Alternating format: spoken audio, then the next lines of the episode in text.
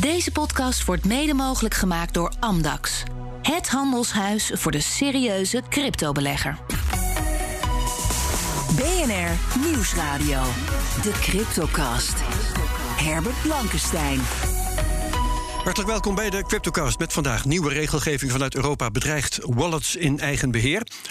Oliebedrijf ExxonMobil doet aan bitcoin mining met overtollig gas. En de prijs van bitcoin schoot deze week omhoog, eindelijk. Krijgen we nou een nieuwe boelmarkt? ja, er wordt met instemming hier eh, gegrinnikt. Dit is aflevering 213 van de CryptoCast. Eerst een klein half uur crypto-nieuws hier op de radio bij BNR. Daarna gaan we door als podcast over quantum computing en de gevaren daarvan voor Bitcoin en Ethereum. Met mijn gast Itan Barmes, quantum-expert bij Deloitte. Hartelijk welkom. Dankjewel, Herbert. Goed dat je er bent. En mijn co-host voor het eerst in uh, toch wel vrij lange tijd, Jacob Boersma, blockchain-expert en oprichting van WB Node. Ja, dankjewel. Gaan we misschien ook nog even over hebben wat dat dan is, maar nu even niet. Uh, want ik moet nog zeggen dat we geen beleggingsadvies geven. Vorm je eigen mening, maak je eigen keuzes, geef ons niet de schuld. Crypto kan lucratief zijn, dat zie je deze week maar weer. Maar het is ook riskant, dat zien we dan de volgende week wel weer. Oké, um, nieuws om te beginnen. De nieuwe anti-witwasregulering van het Europese parlement is uh, in ontwerpvorm beschikbaar. En uh, ja, daar zit weer een valstrik in. Er lijkt hard te gaan worden ingegrepen rond een hosted wallets. Wallets waar geen centrale partij achter zit, die je bijvoorbeeld in de vorm van een soort USB-stick thuis hebt liggen of op je smartphone hebt staan. De Commissie Economische en Monetaire Zaken stemt donderdag over de tekst van zo'n mogelijke nieuwe wet. Jacob, wat is jouw um, idee over wat hier aan de hand is? Ja, dit is natuurlijk uh, iets wat al een hele tijd ook um, besproken wordt of boven de markt hangt. Maar het is wel uh, eigenlijk wel een slechte zaak. Um, zou het in ieder geval zijn voor, uh, voor Bitcoin en voor andere cryptocurrencies. Ja, jij, jij bedoelt dat er eigenlijk al uh, langer het gevoel was, bij, bij jouzelf dan bijvoorbeeld, um, dat die unhosted wallets aangepakt zouden worden. Ja, dus um, uh, je ziet dat er uh, steeds striktere know your customer uh, vereisten komen. Niet alleen voor cryptocurrency natuurlijk. Hè. Dat geldt voor alle vormen van betalingsverkeer. Ja. Um, en uh, de, de, de grote uh, drijver daarachter is de, de FATF, de, de um, uh, Financial Action Task Force. Uh, en die zijn eigenlijk al uh, bij wijze van spreken decennia bezig om dat steeds strenger te maken en steeds beter te willen volgen ja. waar alle betalingen naartoe gaan. Duimschroeven aan te draaien. Ja, en um, dus er zijn al, al langer FITF um, guidelines die zeggen van ja, je zou eigenlijk voor iedere transactie, iedere digitale geldtransactie moeten bijhouden wie de verzender en wie de ontvanger van dat geld is. En dat ook moeten meesturen met de transactie. Nou, ja. dat kan in een banktransactie natuurlijk natuurlijk prima. Maar in een, in een bitcoin-transactie is dat natuurlijk ja, eigenlijk een soort vloek in de kerk. Je kunt dat niet eens toevoegen aan die, aan die transactie. Ja, behalve als de wet het voorschrijft. Uh, wat uh, ja. what you gonna do? en nou was dan, natuurlijk de altijd... techniek zich moeten aanpassen, ja. of niet dan? Nou, de, de, de techniek van, van, uh, van hosted wallets. Dus als jij een, een wallet hebt bij een, een aanbieder die dat in de cloud een van de zet, exchange, ja. Ja, die kan natuurlijk, die moet al jouw identiteit controleren. Dus die kan dat al, die, die, die, ja, die kan in principe die informatie al hebben en doorgeven aan een andere partij. Ja. maar unhosted wallets, dat is eigenlijk ja, de, de, een fancy term voor gewoon ja, de, je, je Bitcoin wallet op je computer. Of inderdaad op je, op je hardware wallet of op je telefoon. Ja. Um, en tot nu toe werd dat meer beschouwd als, nou ja, dat is eigenlijk een digitale versie van je portemonnee. Precies. En uh, de, de, de angst is nu dat als dit dus vereist gaat worden, dat uh, uh, dan die, die bijvoorbeeld exchanges of, of, of andere hosted wallet partijen dan gaan zeggen van nou dan ga ik dus niet meer bitcoins of crypto overmaken naar een, uh, een wallet die, uh, die jij in eigen beheer hebt. Nou ja, en een, een andere een oplossing hiervoor kan zijn, en volgens mij gebeurt het ook al hier en daar, als je wilt. Um, als je zo'n zo'n wallet wilt betrekken in een transactie, dan zul je um, aan de andere partij in dat geval moeten bewijzen dat die van jou is. Dus dan krijg je de, ja. dat hele circus van je moet een screenshot maken en je eigen hoofd erbij en weet ik wat allemaal. Ja. Dat krijg je dan met die unhosted waardoor die vanaf dat moment geregistreerd is als van jou. Ja, en, en dat, dat levert, maar dat levert dus weer allerlei uh, privacy concerns op. Want de partij aan wie hij die informatie moet gaan, gaan verstrekken, moet hij dat dan uh, gaan bewaren? In wat voor vorm moet hij dat dan doen? Moet inderdaad een foto en allerlei uh, gegevens van jouw paspoort en dergelijke ja. daarbij. Dus dat geeft weer allerlei ook honeypots voor, voor hackers. Zeker. Om, om Sterker, um, Simon Lelyveld, die we hier vorige week nog hadden, um, expert op het gebied van financiële regelgeving, die um, maakt hier gehakt van. Die zegt het is verboden massasurveillance. Ja. Hij zegt ook de AP, de autoriteit persoonsgegevens, heeft het al afgeschoten. Um, ben je het daarmee eens? Ja, het, uh, het, gaat, het is een hele fundamentele inbreuk op het recht om uh, anoniem transacties te mogen doen. en uh, dat, daar, we, we, met cashgeld hebben. Is dat rechter trouwens? Want. Um, nou, er staat niet zo'n le dus niet, dus niet zo'n letterlijk recht om anoniem transacties te mogen doen. Maar er is wel uh, in de, in de privacy-wetgeving, uh, en die is ook verankerd in, um, in mensenrechtenverdragen. Heb jij wel het recht om in jouw persoonlijke levenssfeer handelingen te doen. zonder dat iedereen daarbij mee kan kijken. Ja. Om, om uh, iemand te citeren die er dan anders over denkt, uh, Europarlementariër Paul Tang, die vergelijkt het overmaken van bitcoin met, uh, met een bank, banktransactie. Die zegt dat zo'n unhosted wallet meer controle rechtvaardigt dan een portemonnee met cash, omdat je nou eenmaal veel grotere bedragen snel en ook internationaal kunt overmaken. Die zeggen dat heeft wat dat betreft toch veel meer weg van een bankrekening dan van een portemonnee die je in je zak hebt. Ja, nou, dit is het lastige. Want aan de ene kant uh, is een bitcoin-transactie of een crypto-transactie... Uh, wordt heel vaak beschouwd als een digitale vorm van cash. Um, uh, meer dan dat het een, een digitale, uh, een andere vorm van banktransacties is. Uh, omdat je het dus veel meer in eigen beheer kan houden in principe. Maar het is natuurlijk wel iets anders dan echt cash. Het is, het is in die ja. zin makkelijker om, om, om snel dingen over te maken. Het is een, het is een mengvorm eigenlijk, hè, ja. die voorheen niet was. Ja, en, en, en, alleen de vraag is, rechtvaardigt dat dan om er ook veel strenger mee om te gaan? Want ja. aan de andere kant... Het, het, het de fundamentele vraag, als ik in de reden mag vallen ja. uh, die Simon aan de orde stelt. Uh, is het ja of nee in strijd met de privacywetten die we hebben? Ja, volgens mij dat is het wel in strijd met de privacywet. objectief vast, vast ja. te stellen valt. Ik ja. claim niet dat ik het weet, maar... Nee, nee maar er zijn, wel, ja, er, zijn, zijn. er zijn wel echt uh, uh, privacyjuristen die, die hier heel stellig in zijn... dat als je het op die manier zoals het nu voorgesteld wordt in, uh, in zou stellen dat het dan in strijd is met de privacyregels. Ja. Het probleem daarbij is dat uh, anti-witwas uh, en anti-terrorism anti, financing regels die, die vegen al vaker de voeten met de privacyregels. Ja. Um, even Itan Barmes, um, jij werkt bij Deloitte, uh, groot accountantbedrijf. Um, ben jij in je werk met deze problematiek bezig? Je komt hier voor quantum computing, maar toch even om je de gelegenheid te geven er iets over te zeggen. Ja, ten eerste, Deloitte is bekend als uh, inderdaad een accountant. Um, ik zit aan de andere kant van Deloitte, dus meer aan de ja, technologiekant. Um, en we hebben, we hebben een blockchain team waar uh, Jacob uh, in zat in, in het verleden. persoonlijk niet. Dus ik, ik werk heel nauw samen met. met dat betekent vast, gezien de aard van, van het bedrijf Deloitte, dat je toch maar liever van uitspraken onthoudt over deze materie. dat sowieso. dat sowieso. Goed. In dat geval vind ik het een mooi moment om naar Bert Slachter over te schakelen om te hebben over de prijs, waar eindelijk eens wat uh, mee gebeurt. Die is namelijk deze week redelijk de pan uitgerezen. Goeiedag Bert.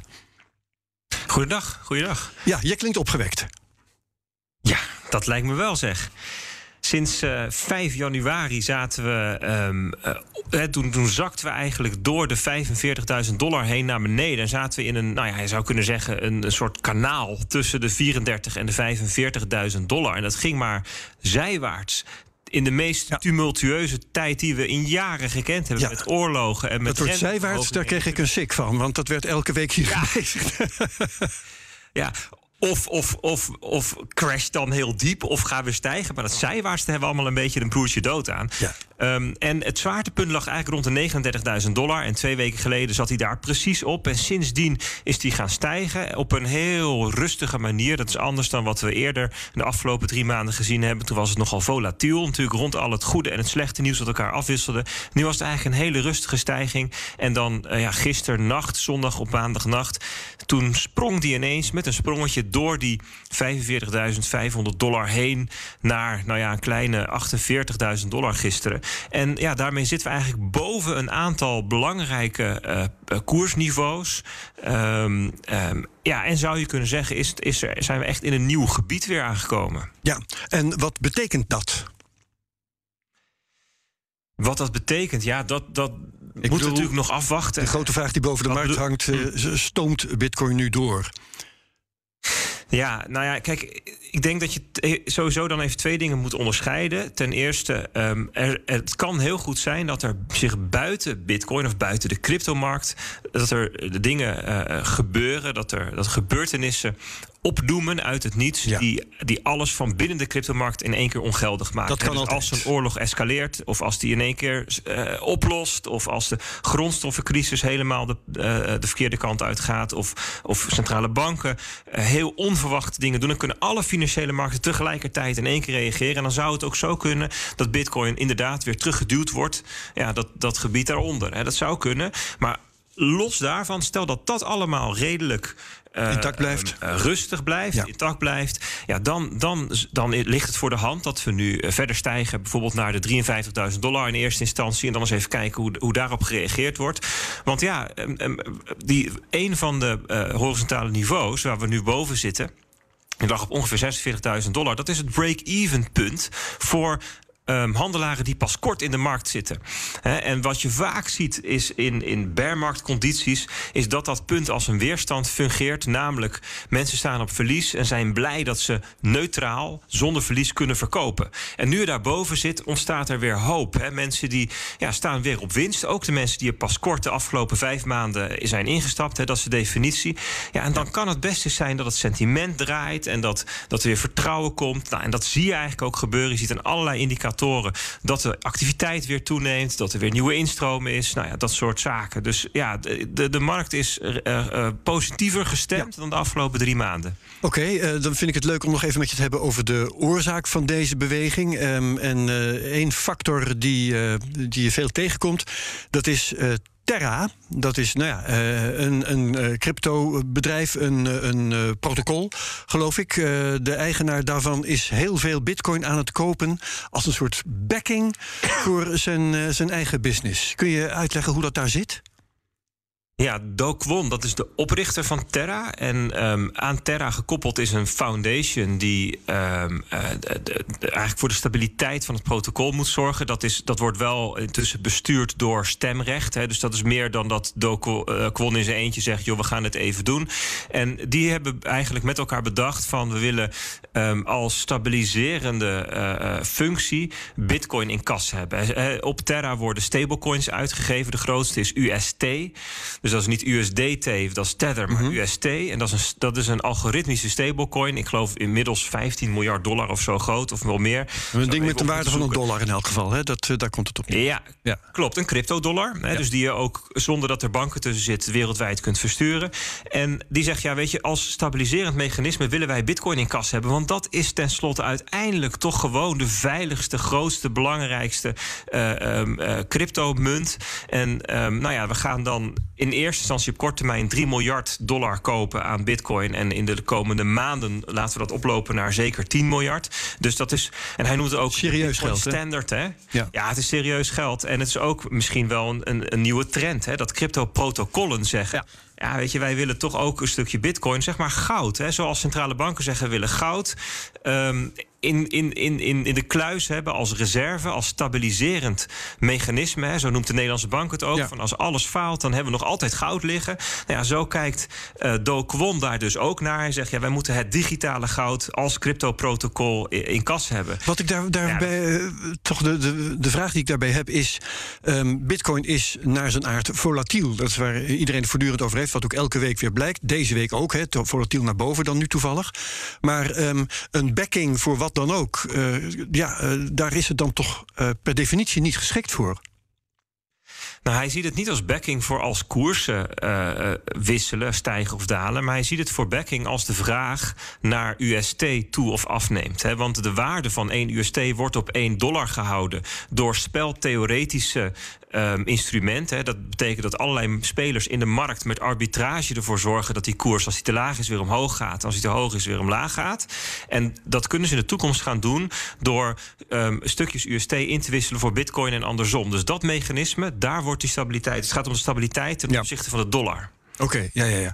Um, dan tot slot eigenlijk de vraag: um, is het inderdaad aannemelijk dat uh, de aankopen van deze club de prijssprong van nu hebben veroorzaakt?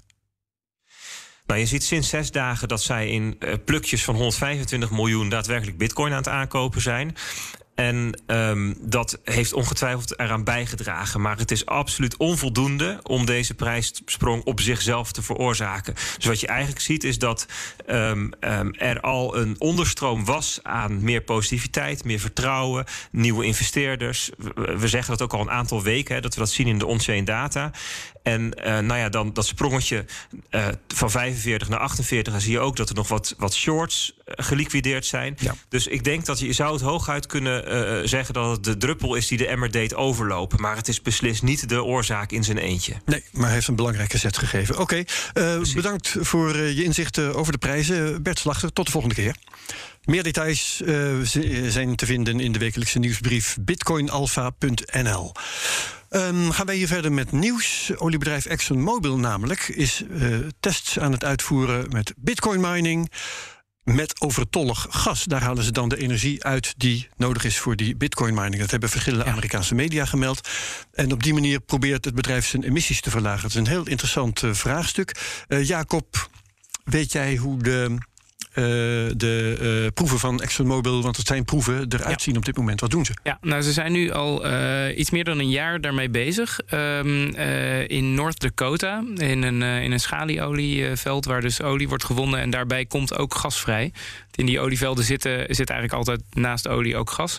En zeker bij schalieolie komt er dan veel uh, gas vrij. Dat, dat kunnen ze daar niet direct gebruiken. Uh -huh. Want er zijn uh, ja, niet, niet, genoeg mensen wonen daar in de buurt die, die, die dat zouden kunnen gebruiken. En er zijn geen pijpleidingen om het af te voeren. Dus dat wordt normaal gesproken wordt het afgefakkeld. Um, en dan doe je er dus niks mee. Uh, en in plaats daarvan hebben ze er nu een aantal generatoren neergezet. En daar worden bitcoin miners mee, mee ge, ja. Uh, gepowerd. Ja, uh, de vraag die ik toen meteen had toen ik daarover las was: uh, ja, maar dat gaat toch geen emissies reduceren in plaats van dat je dat gas. Um, uh, in de fik steekt. Uh, gewoon in een fakkel uh, steek je het in de fik in een generator, maar je steekt nog steeds gas in de fik. En het komt. Zo klinkt het tenminste. Het komt erbij als. Hè, er komen miners bij. Tenzij het zo zou zijn dat ze een mining rig ergens anders vandaan halen en die dan bij hun neerzetten. Dan heb je inderdaad een mining rig die je met gas. Uh, voet die anders ja. afgefakkeld zou zijn. Dus hoe zit die balans? Nou ja, Als ze nu werkelijk emissies terugbrengen, dat ja, is niet duidelijk. Er zijn, inderdaad, er zijn, zijn twee, twee uh, uh, kanten aan. Aan de ene kant is um, het, dat gas gebruiken in een, in een generator die elektriciteit produceert... is efficiënter dan uh, het afvakkelen. Want het, bij het afvakkelen, dat, uh, ik weet niet of je wel eens uh, zo'n zo'n olieinstallatie hebt gezien, maar de, daar, daar, daar zie je echt die vlammen uitkomen. En dat is een redelijk inefficiënte verbranding. Ja, die vlammen die wapperen alle kanten ja, op. Het, het, als, je als je zo'n vlam kunt zien, dan is die eigenlijk al heel veel andere rotzooi aan het produceren, behalve alleen maar CO2. Dus terwijl zo'n generator, die is 99,9% van de, van de methaan wordt dan echt, echt volledig verbrand. Ehm, ja, er ontsnapt methaan. Ja. Dat fakkelen, dat, uh, ja. dat is een onvolledige verbranding. Dus Precies. en methaan is zelf een broeikasgas. Methaan is uh, 80%, uh, 80 keer erger broeikasgas dan, uh, dan CO2. Oké, okay, dus daar bespaar je op en ja. niet op CO2. Ja, de, ehm, en daarnaast eh, is het inderdaad een beetje een rekenkundige truc... dat als je het afvakkelt, dan wordt dat beschouwd als zeg maar, zinloos geproduceerde CO2. Terwijl als je het dus gebruikt om, om bitcoin te produceren... dan verkoop je als het ware dat gas aan iemand die het gebruikt. Want ze werken samen met een, een miningpartij, uh, Crusoe. Uh, ja. en, dan, en dan heb je het dus uh, de, over ja, nuttig gebruikte gas. En dan, dan telt dat minder zwaar mee voor je emissies. Dus dan is het geen emissie meer van, van Exxon, maar een emissie van die miner. dus dat is een beetje, een beetje flauw eraan. Tenzij ja. je dus ervan uitgaat dat dat dus ook een, um, ja, een, in marktwerking effect heeft. Dat dus je meer mining met dat afgevallen gefakkelde gas gaat doen dan met bijvoorbeeld kolencentrales. Uh, en als je dat afgefakkelde gas gratis kunt krijgen, omdat het anders toch uh, ja, uh, niks zit te doen, dan is het natuurlijk wel een hele efficiënte vorm van mining. Ja. dus, dus daarmee uh, je, je, zegt wel van ja, dat komt er bij de, bij de, bij de rest van de mining in de wereld. Maar de, al die miners concurreren natuurlijk ook op elkaar op de meest efficiënte uh, mining. Dus in die zin is het wel een hele efficiënte vorm van mining. Die hopelijk dan viezere vormen van mining uh, uit, de, ja, uit de markt kan drukken. Ja. En zo de hele mining een beetje schoner kan maken. Oké, dus een betere broeikasbalans. goed voor de portemonnee van Exxon. goed voor het proces van mining als zodanig. En Itan wou nog wat zeggen. Je zou in principe die twee dingen los van elkaar kunnen zien. Want met de generator zou je die energie terug in het net kunnen stoppen. En of je het daarna gebruikt voor Bitcoin mining of iets anders. Dat, uh, ja, het, het, enige punt is, dit wordt dus gedaan op plaatsen. Dus het wordt nu in North Dakota gedaan. En ze kijken ernaar om bijvoorbeeld ook in Alaska te doen en in Nigeria. Dit zijn dus plaatsen waar je niet zinvol iets met die elektriciteit kan doen anders. Uh, het, het, ja, er zijn geen uh, hoogspanningsleidingen waarmee je het naar een, eh, een, grote stad kan brengen. Het zijn, dit zijn redelijk dun bevolkte gebieden. Ja. Dus de, er zijn ook wel eens uh, door andere oliemaatschappijen ideeën geweest van kunnen we dit niet ook doen bijvoorbeeld op boorplatformen midden op zee. Want daar kun je ook feitelijk niks met die elektriciteit. Dus dat is het voordeel. Je hebt hier alleen maar een internetverbinding nodig. Dat is aanzienlijk. De data van mining kun je wel verschepen en de elektrische energie is een stuk moeilijker. Ja, precies. Ja, ja, dus het probleem wat het oplost is transport van energie. Juist. We moeten het nog even hebben over waar we het in de podcast zo direct over gaan hebben. Nou, uh, Itan Barmes van Deloitte hebben we jou voor. We gaan het hebben over quantum computing. Um, en wel um, de quantum computing uh, als bedreiging voor de veiligheid van Bitcoin en Ethereum. Kun je gauw gaan schetsen? Uh, kun je nu even snel schetsen voor ons wat, waarom dat belangrijk is? Ja, het is belangrijk, want um, uh, cryptocurrencies en blockchain die maken veel gebruik van cryptografie. Um, en een van de meest bekende toepassingen van een quantumcomputer is het breken van cryptografie. Dus dat probleem is breder dan alleen uh, uh, cryptocurrencies en, en blockchain. Ja. Maar specifiek voor cryptocurrencies, door het veel gebruik van cryptografie, is dit een, uh, een groot probleem. Ja, is het oplosbaar? Dat is een hele goede vraag. Um, voordat we gaan hebben over de oplossingen. Uh, het probleem is ook heel interessant, want het is, uh, als ik even een kleine teaser uh, mag geven. Een kleine? Um, het probleem is wat complexer dan met andere aspecten van cybersecurity. Um, want het is om de vraag te beantwoorden: wanneer komt een quantumcomputer die het kan breken? dat antwoord is niet zo simpel. Oké, dus uh, nou, dat soort aspecten. Wanneer hebben we zo'n quantumcomputer? Wat moeten we dan doen uh, om Bitcoin alsnog te beveiligen? Daar gaan we het zo direct in de podcast uitgebreid over hebben met mijn gasten uh, Jacob Boersma en Itan Barmes van Deloitte. Dus tot zover de Cryptocast op BNR. hartelijk dank iedereen. We zetten het gesprek voort in de podcast. Wie meegaat, dus tot zo direct en wie afhaakt. Even goed bedankt. Heel graag tot de volgende week bij de Cryptocast op BNR. Deze podcast wordt mede mogelijk gemaakt door Amdax. Het handelshuis voor de serieuze cryptobelegger.